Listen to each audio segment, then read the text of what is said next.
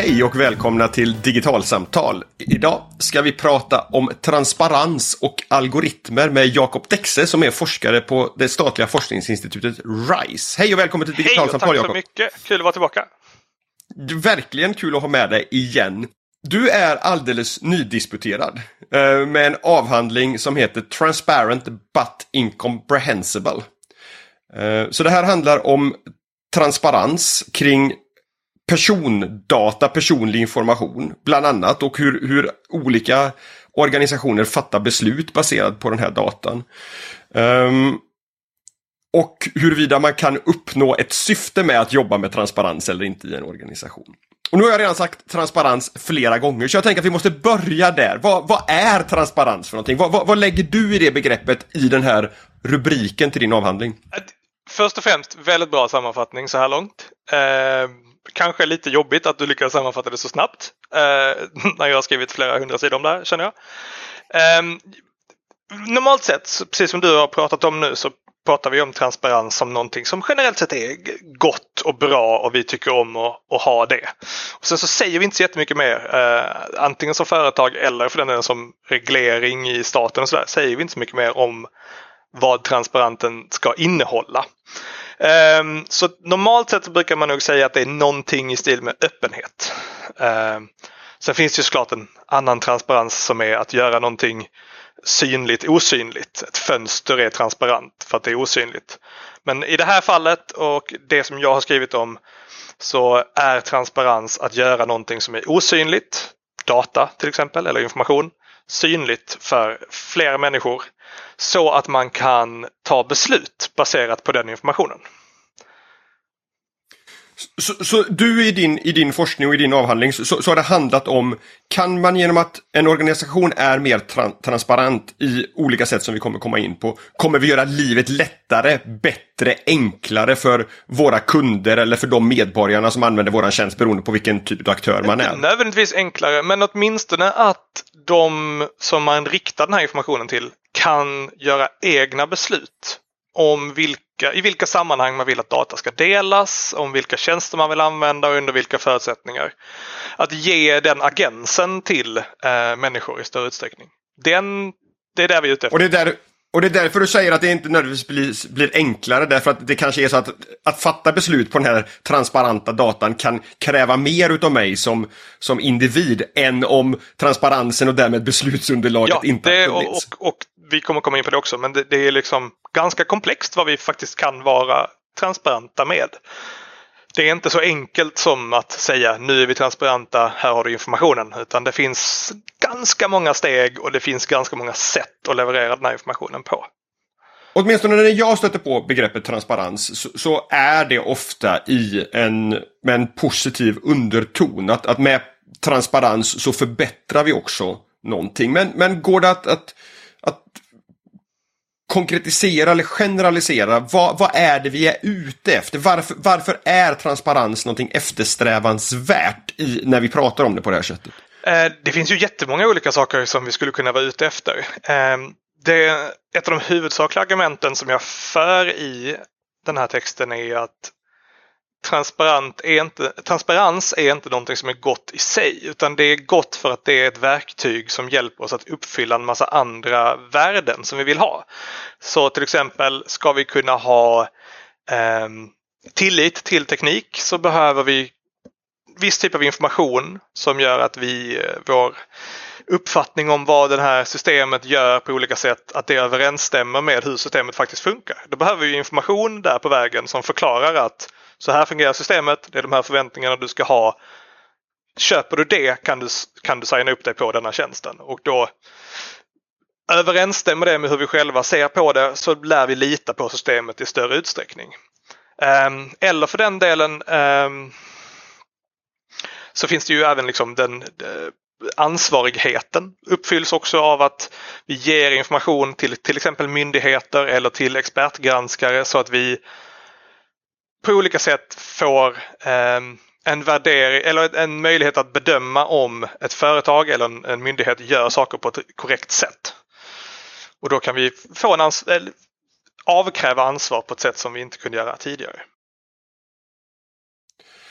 Men Rubriken, titeln på din avhandling, Transparent but Incomprehensible, antyder att det är inte så enkelt som att börja tala om vilken data har vi om dig för att vi faktiskt ska uppnå de här positiva effekterna utav Det stämmer. Eh, jag brukar översätta det som transparent men oförståeligt.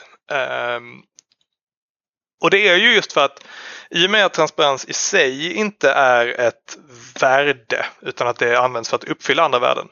Då kan man ju också då härleda därifrån att det finns väldigt många olika sätt att vara transparent på. Um, en annan viktig komponent i transparensen är ju att du kan förklara någonting på ett vettigt sätt. Mm. Du måste ju kunna ge en, um, en grund för det här beslutet som kunden eller medborgaren ska kunna fatta. Att de får en förklaring på vad, vad systemet gör eller vilken information de bör förhålla sig till. Och det vet vi också att det är ganska svårt att förklara de här systemen. Det baseras ju på i vilken mån vet organisationen själv vad den sysslar med. Eh, har de själva gjort interna arbetet för att förstå vad algoritmen gör eller vad de vill att produkten ska uppnå? Vem är deras publik? Vem är det som ska ta ställning till den här informationen och ta ett beslut? Ehm, vad är de legala förutsättningarna? Vad måste man förklara enligt lagen? Vad måste man inte förklara? Eh, så hela den här miljön eh, i hur vi förklarar saker gör att det ganska ofta levereras information som inte direkt uppfyller de mål man skulle kunna ha med informationen utan istället minskar förtroende eller skapar osäkerhet. Och sen kan man också lägga till att vi som människor är ganska bra på att missförstå information. Eh, det är en inte eh, en inte helt oviktig del i, ekvationen så att säga. Eh, transparensen här kan ju komma i, i flera olika led tänker jag. Det kan, det kan handla om vilken data samlar ett nätföretag inom oss eh, via en app eller via en webbplats. Det kan handla om de algoritmerna som sen bearbetar den här eh, datan eh, eller de resultaten som kommer ut av den här bearbetningen och de besluten som, som företaget eventuellt fattar baserat på den här, på den här bearbetningen. Eh, och när jag tänkte inför den här intervjun på, liksom just på den där kedjan så slår det mig också att det här med transparens måste ju ha blivit otroligt mycket mer komplext i takt med att vi har mycket mer data och mycket mer avancerade algoritmer att, att jobba med. Hur ser, hur, hur ser liksom så här har, har du någon historieskrivning om hur transparensen har utvecklats? Um, till del har jag det. Eh, det är ett av de tidigaste nedslagen jag har är att det finns ett citat ifrån från 1913.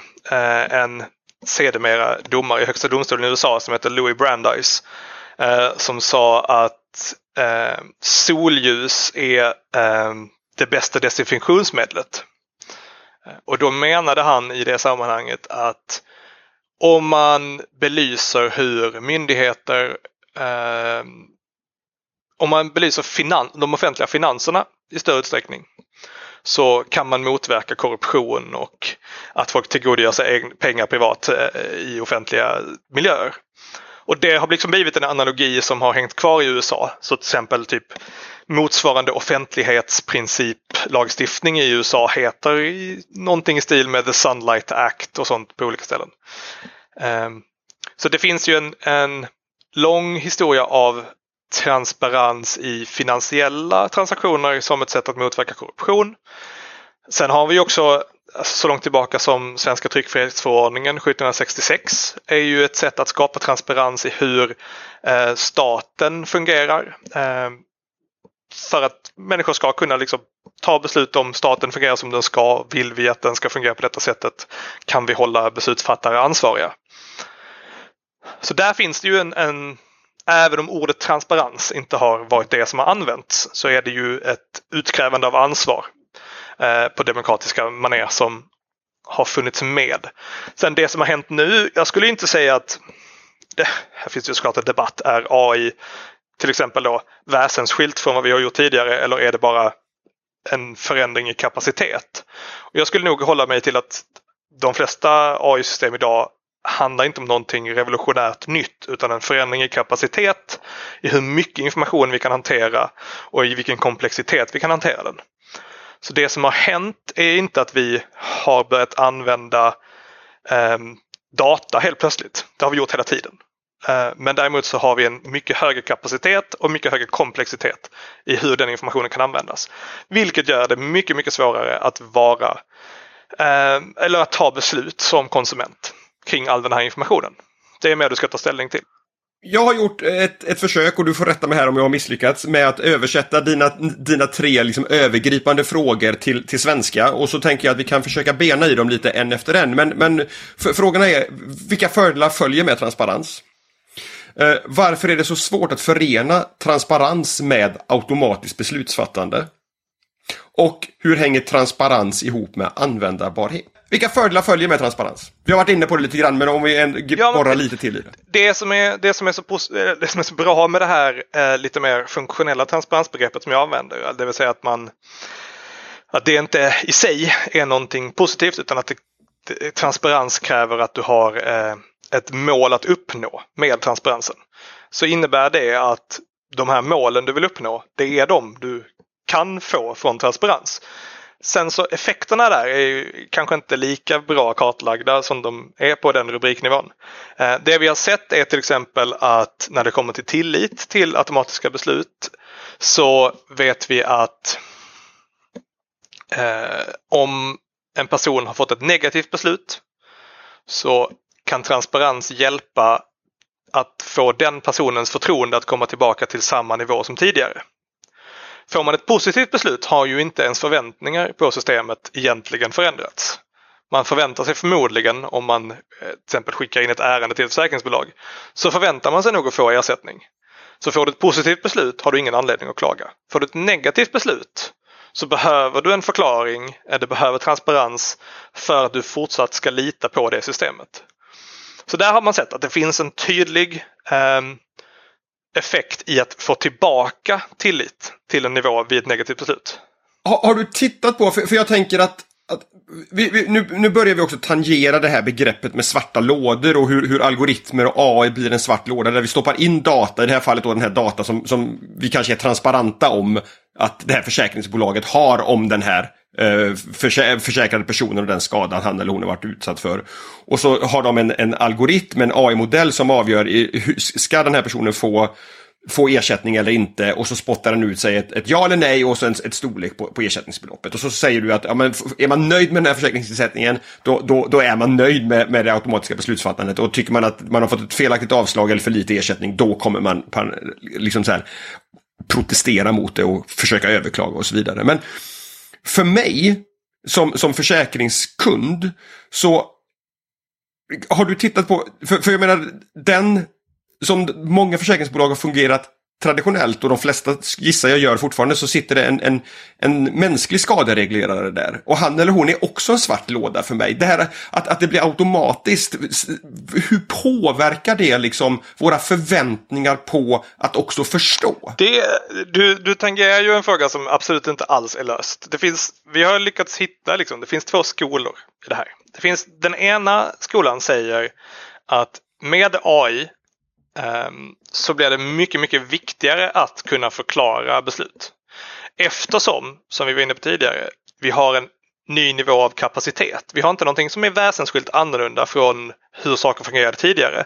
Men kapaciteten i systemen är så mycket större och därför borde man avkräva mycket mer transparens ifrån algoritmiska beslut än ifrån mänskliga beslut. Den andra sidan av det här myntet är ju att eh, i och med att vi har ett system som litar på Eh, att människor ska kunna förklara sina egna beslut. Men vi som människor är oftast ganska dåliga på att komma ihåg exakt hur vi har resonerat. Vi låter en massa förutfattade meningar och andra kognitiva begränsningar styra hur vi beslutar olika saker.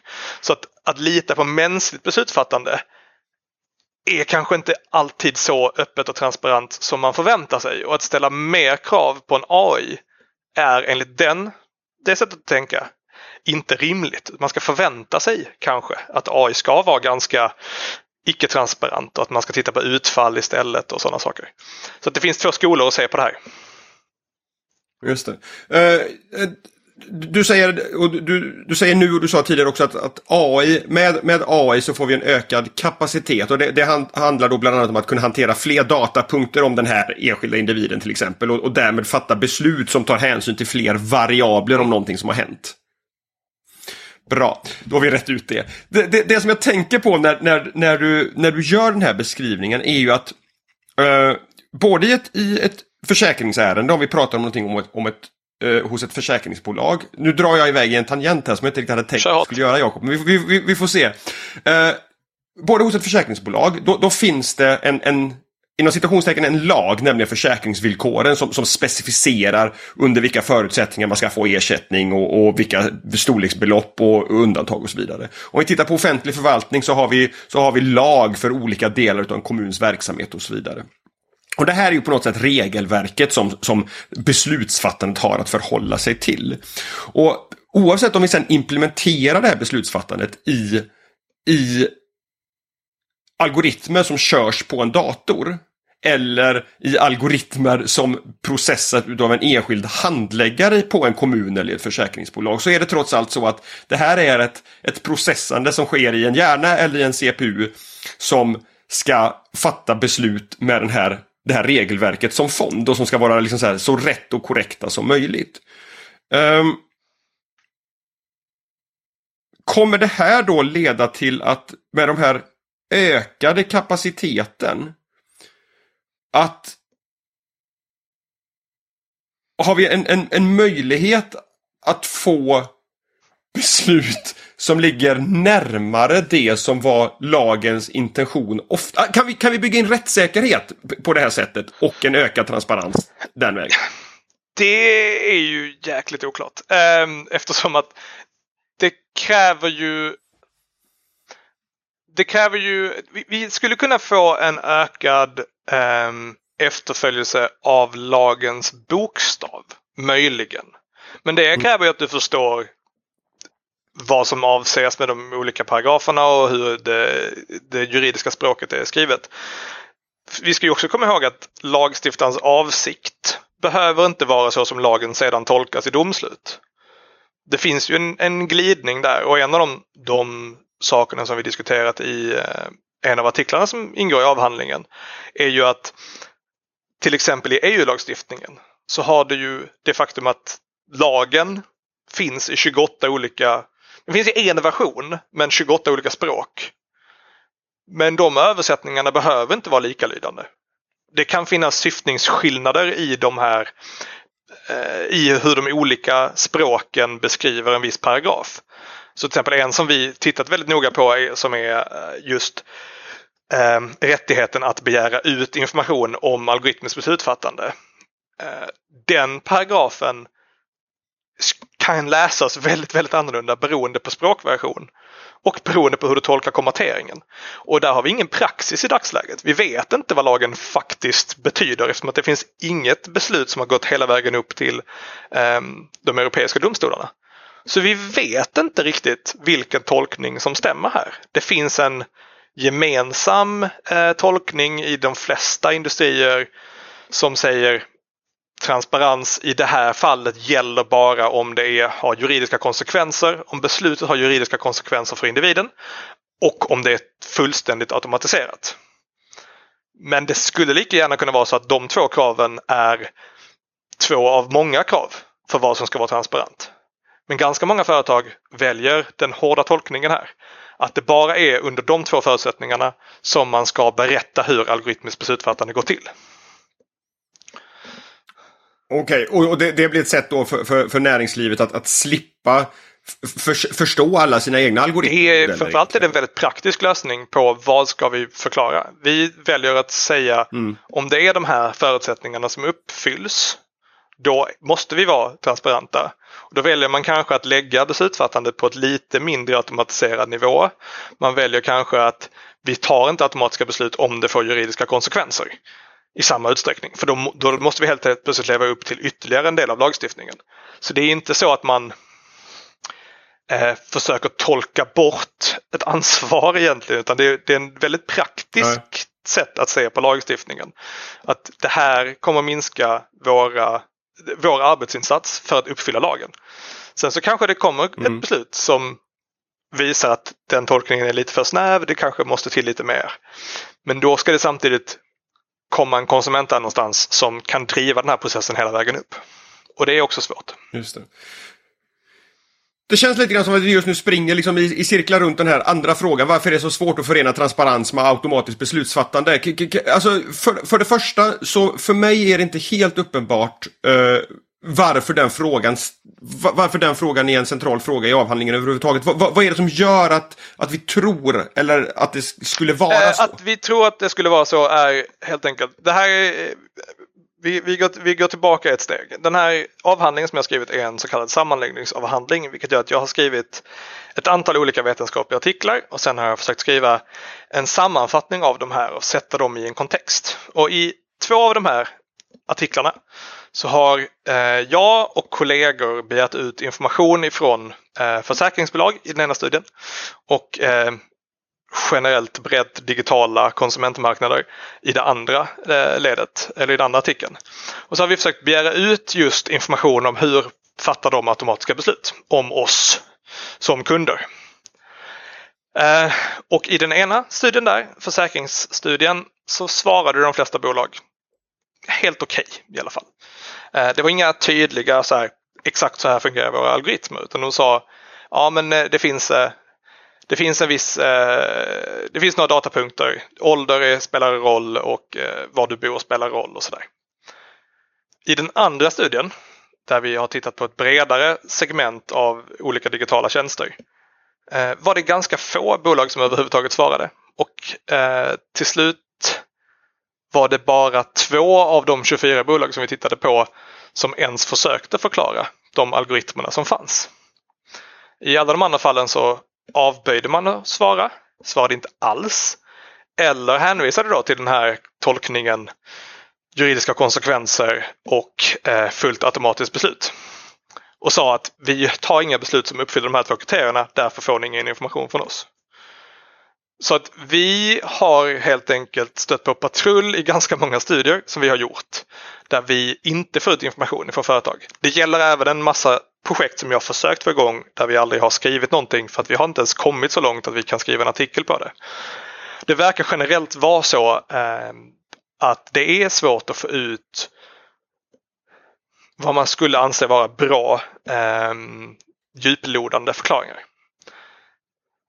Just det. Och, då är vi inne på det här, den här kedjan som jag, som jag pratade om tidigare också. Det här att, att transparensen kan handla om den enskilda datapunkterna eller de enskilda datapunkterna. Men, men transparensen är ju mer intressant i, liksom när den här datan börjar förädlas och, och, och faktiskt mm. används. Och, och där finns det då säkert svårigheter att förklara det men också lagtolkningar som just nu gör att, att man kan ducka den frågan. Det finns en aspekt till och det, den, här är, den här är viktig att få med. Och det är ju att de här förklaringarna, även om du när man får den och har någon typ av teknisk förståelse och vet ungefär vad algoritmerna kanske gör egentligen så är det svårt att läsa den förklaringen och tycka det här är en skitbra förklaring över exakt hur deras algoritm fungerar. Men det är inte det som egentligen är syftet med att svara på de här. Utan det här är ju, eh, för de flesta konsumenter så vet de ju om, okej okay, jag har ställt en fråga till ett försäkringsbolag. Jag har ställt en fråga om specifikt hur pris sätts på min hemförsäkring. Eh, jag vet att, om, eh, att det som försäkringsbolag håller på med det är risker på olika sätt. Om jag då får veta att ja, men det ingår ålder, det ingår var jag bor och det ingår hur mycket jag eh, har försäkrat. Då vet jag ju egentligen i kontexten så finns det ju med att ja okej, okay, ålder påverkar risk på olika sätt. Vilket gör att min ålder kommer påverka hur priset ser ut. De behöver inte skriva ut det för den kontexten borde en konsument som vänder sig till ett försäkringsbolag för att fråga om hemförsäkring borde fatta att det finns den här kontexten. Att få hela den förklaringen av hur ålder påverkar pris det, för de flesta konsumenter är det onödigt för att det, det ingår liksom i vad du har signat upp dig på som konsument. Så även om de här förklaringarna kanske känns ganska banala eller sådär så innehåller de nog det som krävs för att en konsument ska förstå ah, okej, okay, det är ungefär de här kategorierna som ingår. förmodligen fungerar ungefär på det här sättet. Så att det finns ett större värde i dem än vad man åtminstone inledningsvis eh, kanske tänker. Därför att för den enskilda kunden, individen, så räcker på något sätt den här Ja men så här, vilka variabler som ja. påverkar snarare än exakt hur. Ja, precis. Eh, och det, man har hittat i eh, lite av den forskningen som vi tittat på visar till exempel att förklaringar som ger kunden möjlighet att ändra sig. Eh, till exempel så här, eh, om du hade ja, eh, kört 5 km timmen långsammare så hade du fått ett annat beslut här. Om man ger eh, den typen av förklaringar som ger en någon typ av möjlighet att ändra beteende, de brukar oftast uppfattas som mer rättvisa. Um, så att det finns ju någonstans där att ge en möjlighet att också agera skulle förmodligen förbättra de här förklaringarna ännu mer. Men i kontext så tror jag ofta att de fungerar ganska bra. Sen så får man ju, det där kommer ju inte göra att en kund i sig kommer granska beslutet ytterligare. Det öppnar inte upp riktigt för eh, ifrågasättande på det sättet som eh, vi kanske vill att beslut ska ifrågasättas ibland. Så då måste man ju förlita sig på expertanvändare eh, då som kan driva den här processen längre som säger nej men jag tycker inte att det där verkar som en rimlig förklaring. Jag tycker inte att det verkar som att ni använder informationen på det sättet. Just det. Eh, men, men så, så, att det här att det är svårt att förena transparens med automatiskt beslutsfattande bara för att liksom så här, dubbelkolla att jag hänger med här på resonemanget. Det, det, handlar om just att då är vi inte på transparensen om den, e, de enskilda datapunkterna. För där kan det vara ganska enkelt att vara transparent.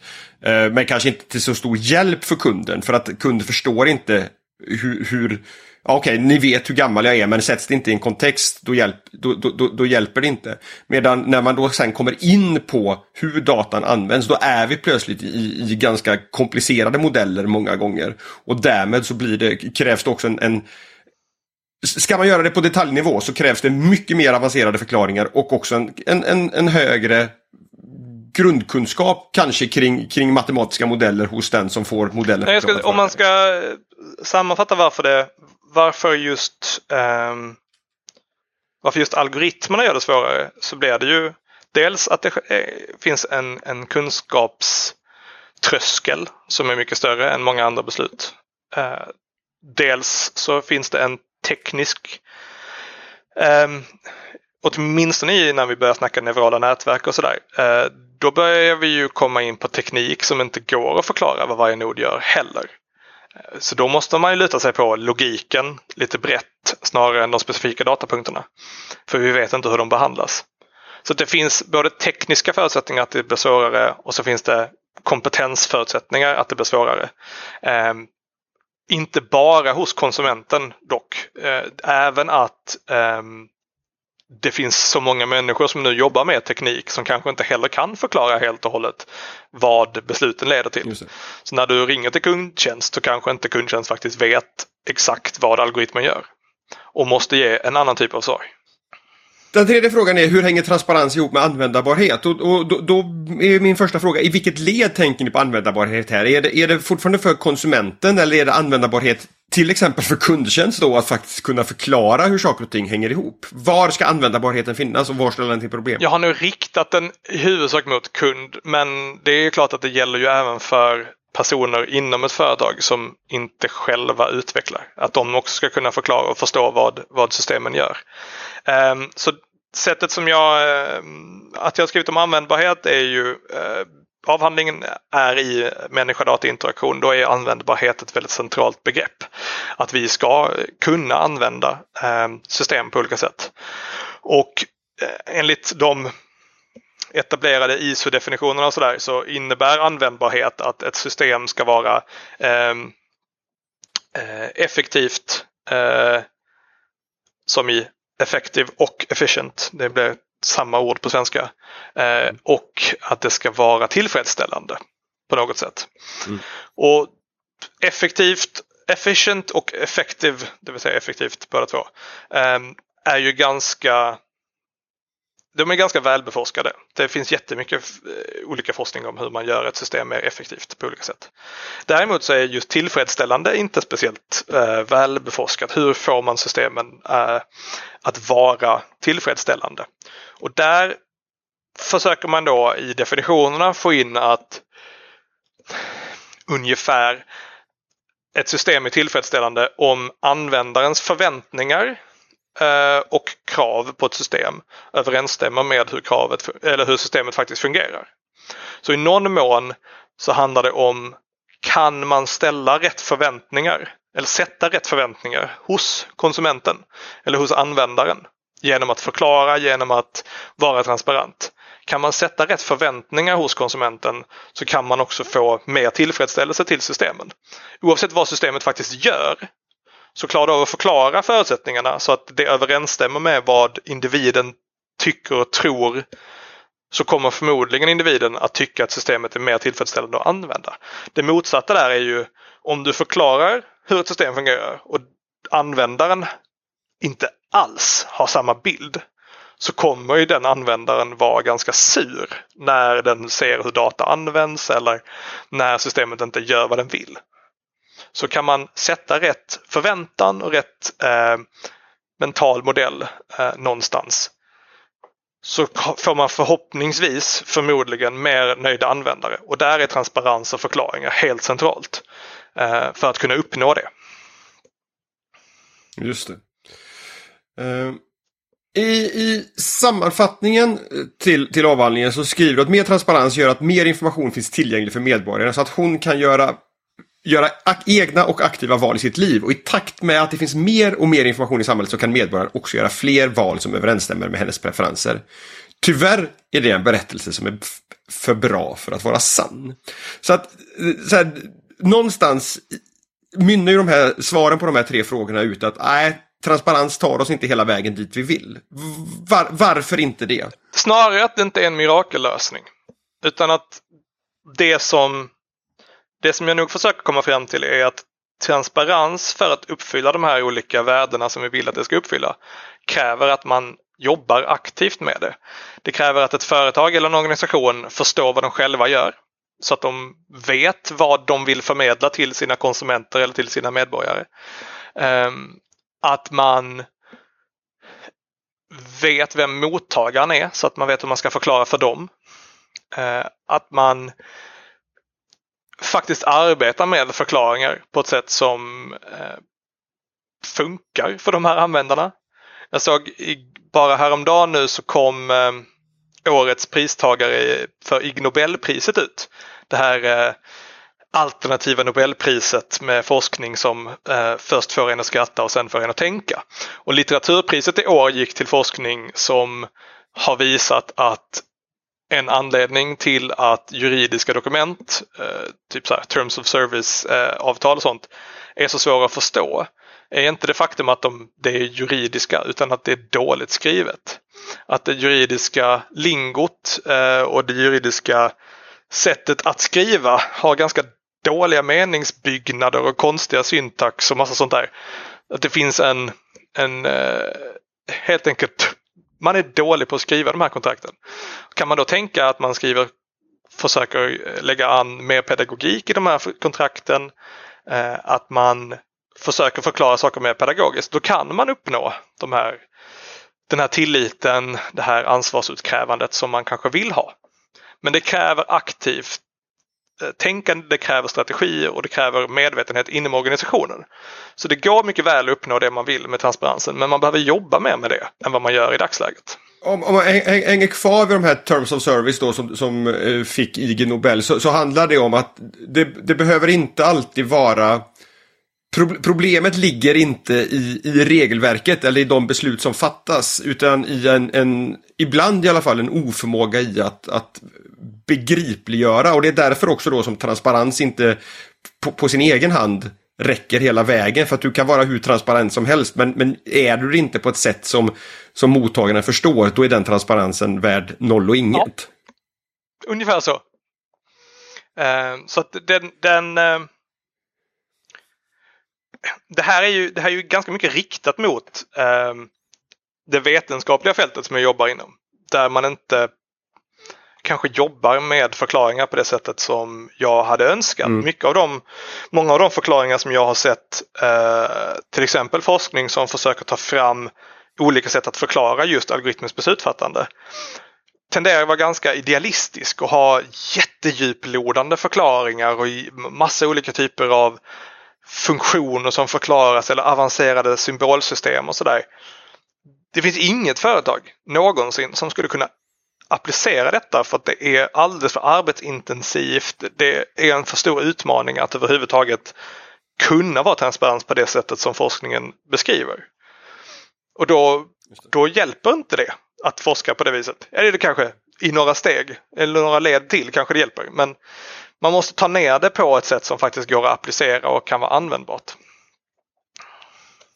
Eh, det finns ju ingen anledning att tro att, att eh, ambitionerna och ansatserna för att använda sig av algoritmiskt och automatiskt beslutsfattande kommer, kommer minska framöver, varken i offentlig sektor eller i privat näringsliv. För, för offentlig sektor finns det effektiviseringsvinster att göra och kanske rättssäkerhetsvinster och lik, likabehandlingsprinciper som blir lättare att uppfylla om man kan implementera viss typ av beslutsfattande i, i automatiska system. Och för näringslivet finns det ökade vinster och kostnadsbesparingar att göra.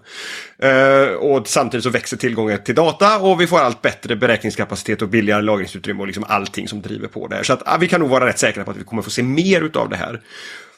Vad känner du om du ställer det liksom så här utanför din forskning och vet vad, liksom så här, vad du har kommit fram till i din avhandling och så tittar du liksom på de organisationer som, som just nu jobbar med automatiskt beslutsfattande och försöker vara transparenta. Vad, vad skulle de kunna göra annorlunda? Vad finns det liksom för, för, generella råd som du skulle kunna ge för att faktiskt eh, de, de skulle kunna se till att den här transparensen faktiskt blir det verktyget som man vill att det ska vara? Um, det här är ju en million dollar question liksom. Uh, fick någon fråga, ah, finns det inte någon affärsidé här? You tell me. Det, finns det någon affärsidé här så är jag öppen för det. Uh, nej men jag tror att de generella tips som man, jag skulle ge är för det första tänk på vad man vill uppnå med en produkt. Vad vill man, vad vill man etablera för värden med en produkt? Det kan vara så att det bara är så här, användarnytta för, för användarna. Att, att man vill att de ska ha mindre omkostnader eller någonting sånt där. Och vet man vad produkten ska uppnå och vet att den uppnår det på ett rimligt sätt, då kan du vara mycket tryggare i hur du förmedlar information om produkten och försöka se till att den handlar om det. Och sen ska man också vara medveten om att om man bara visar den rosenskimrande bilden av vad en produkt gör, då riskerar man att tappa tillit istället. För att du måste liksom ha med att de flesta är ganska skeptiska till eh, datainsamling och till algoritmiskt beslutsfattande i någon mån. Därför så behöver du i någon mån också säga att det här är de begränsningar som finns. Kanske för att eh, upprätthålla transparensen eller upprätthålla tilliten till Eh, systemet. Så det första, var medveten om vad du vill uppnå och låt det vara en, en, en guide i hur man producerar informationen. Nästa sak som man skulle kunna göra för att förbättra transparensen, tror jag i alla fall, hoppas jag, eh, är att inkludera andra roller än man normalt gör i att producera den här informationen. Det är nog relativt vanligt att det ofta är jurister eh, eller möjligen teknologerna som skriver information om hur systemet fungerar. Involverar man andra delar av organisationen i det här så kan man få in andra perspektiv på hur det här faktiskt resonerar i, hos användare eller medborgare. Eh, till exempel se till att ha med kundtjänst. De är de som pratar med användare i större utsträckning. De är de som behöver svara på frågor. Finns de med i att producera förklaringarna så har du en större chans att få Eh, förklaringar som matchar vad, eller som gör att kunderna kan, kan ha rätt ställda förväntningar på produkten. Och det sista är att ta med det här som en faktor, att faktiskt försöka jobba med att förklara. Just det. Eh, de, de två sista punkterna här eh, är, tror jag, lättbegripliga. Att, att, att det inte är självklart att det är enkelt att förklara någonting och, och, eh, och så vidare. Men, men, men jag skulle vilja hänga kvar vid den första punkten här på något sätt. Att, att varje produkt eller tjänst har ju sitt, sitt syfte. Det är därför jag som kund väljer att att eh, skaffa den här prylen eller abonnera på tjänsten. Jag tittar runt omkring mig där jag står just nu. Jag ser ett antal internetuppkopplade lampor. Jag tittar på, min, på mina fingrar och ser en, en, ring som mäter puls och så vidare när jag sover.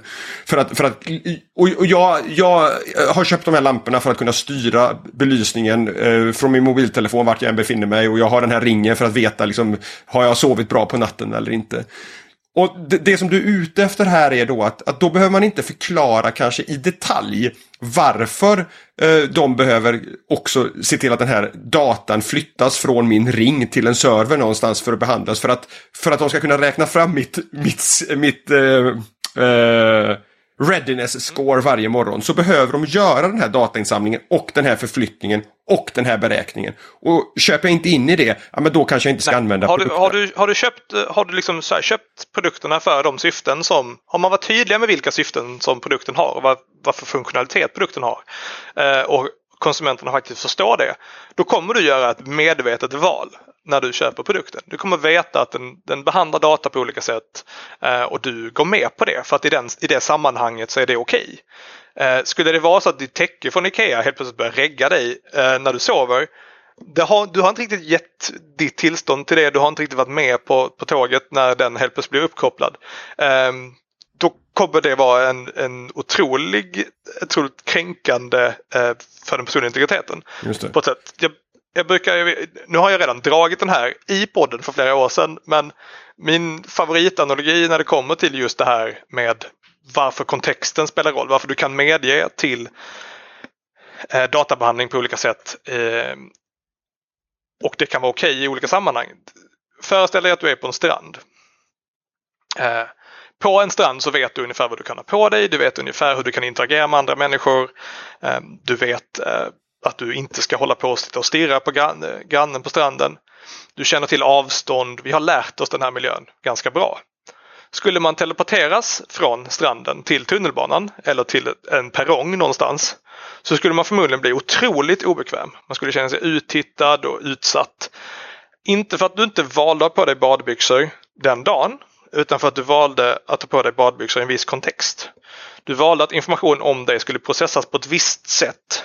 Helt plötsligt processas det på ett annat sätt än vad du förväntade dig och då är det helt plötsligt en, en eh, fruktansvärt problematisk situation som du inte var beredd på. Svårare än så är det egentligen inte att tänka kring hur just den här eh, bekvämlighetsdelen av eh, datainsamling och transparens. Det handlar om att du ska kunna förmedla kontexten ordentligt. Vad, I vilka sammanhang är det här? Men, men analogin då, om man hänger kvar vid den analogin, det är ju att, att eh, eh, så länge den datan som min ring samlar in om mig används för att också ge mig det värdet från de här beräkningarna och den här datan som jag förväntar mig. Då befinner jag mig fortfarande på stranden. Men, men det som vi ofta oroar oss för när det gäller de här digitala lösningarna är ju också att det här företaget samtidigt har placerat mig på tunnelbanestationen och använder den här datan om mig på sätt som jag inte riktigt är medveten om. Säljer det till en tredje part eller drar andra typer av slutsatser om mig. Men, men eh, hur, hur kopplar, finns det en koppling till det i din forskning också? Den här liksom att, att man skriver ett användarvillkor eh, och är liksom så medvetet luddig för att också kunna göra saker och ting som man inte vill vara transparent med. Men då, då har man ju det här att man, man försöker dölja information i antingen luddiga förklaringar mm. eller att inte berätta rakt ut. Och det kommer att det kommer att backfire. Liksom. Det kommer att göra att kunder inte tycker att systemet är så bra. De kommer att bli besvikna, de kommer att tappa tillit till systemet. Och det ser vi ju gång på gång. Det behöver inte vara så heller att det här tillitstappet baseras på vad företaget faktiskt gjort utan vad folk tror att företagen gör. Um, då kanske man måste anpassa tjänsten på det viset. Men vi ser ju gång på gång att um, företag behöver anpassa sig för att vissa användare har um, en annan bild av hur systemet fungerar. Ibland så har de rätt, ibland så har de fel. Har de rätt så måste företaget ändra produkten. Har användarna fel om deras bild av hur systemet fungerar så måste företagen försöka förklara bättre hur systemet fungerar. Just det. Eh, till exempel en sån grej. Ja. Så det skavet där kan vara värdefullt för företaget i vilket fall som helst. Därför att antingen förstår man att jag måste bli tydligare med att förklara vad det är vi gör. Eller vi måste ändra oss därför att kunderna ja. köper inte det här. Och när, när det uppdagas då att det står, jag skulle nog säga att vi har en kamera på stranden snarare än att du också är på en perrong för att inte bli lite så här metafysiska här. Eh, men, men om du har en kamera på stranden och då, fast vad är det där där borta? varför, varför, varför står den där och spelar in mig? Då mm. kommer ju folk på stranden flytta sig från den där kameran om det bara finns en. Och säga nej men det här är jag inte okej okay med. Det här, nu måste vi ringa kommunen, det här måste vi ta bort, det här, det här funkar inte.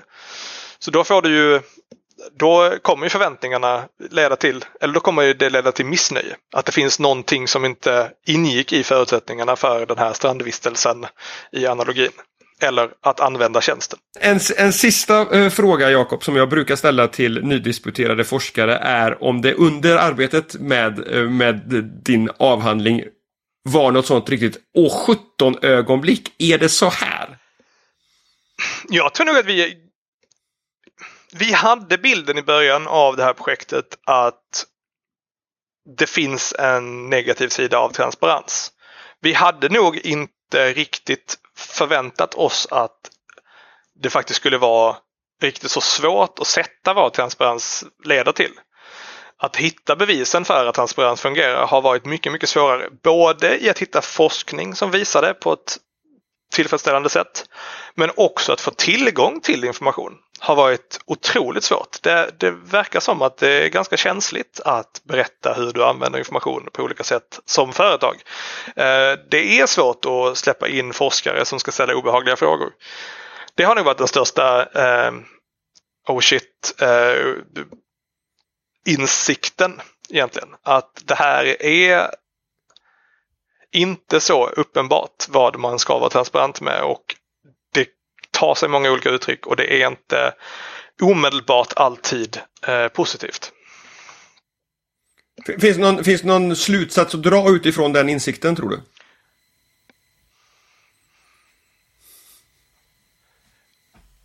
Jag vet inte. Jag, jag, jag, jag hoppas det. Jag, det, jag har, det jag har landat i där är ju att det är mer komplext än vad vi hade förväntat oss. Mm. Att eh, Det kräver mer att vara transparent än vi tidigare antog. Sen tror jag också någonstans, nu har jag ju forskningsbilden av det här. Det innebär att man sitter och djupgranskar massa grejer. De flesta företag är nog ändå ganska bra på att förklara. Annars hade inte vi mm. anslutit oss till tjänster på det, den, det sättet vi gör. De flesta lyckas skapa en rimlig förväntan hos kunderna på vad tjänsterna gör. Helt enkelt. Det, de flesta lyckas ganska bra. Jag tror man kan bli mycket mm. bättre. Jag tror man kan använda det mer strategiskt. Men de flesta måste ändå förklara på något sätt och de gör det helt okej. Okay. Jag tror att vi stannar där för idag Jakob. Stort tack för att du återigen var med i Digitalsamtal och pratade om. Tack för att jag fick komma hit. Och till er som har lyssnat, vi hörs igen. Hej så länge.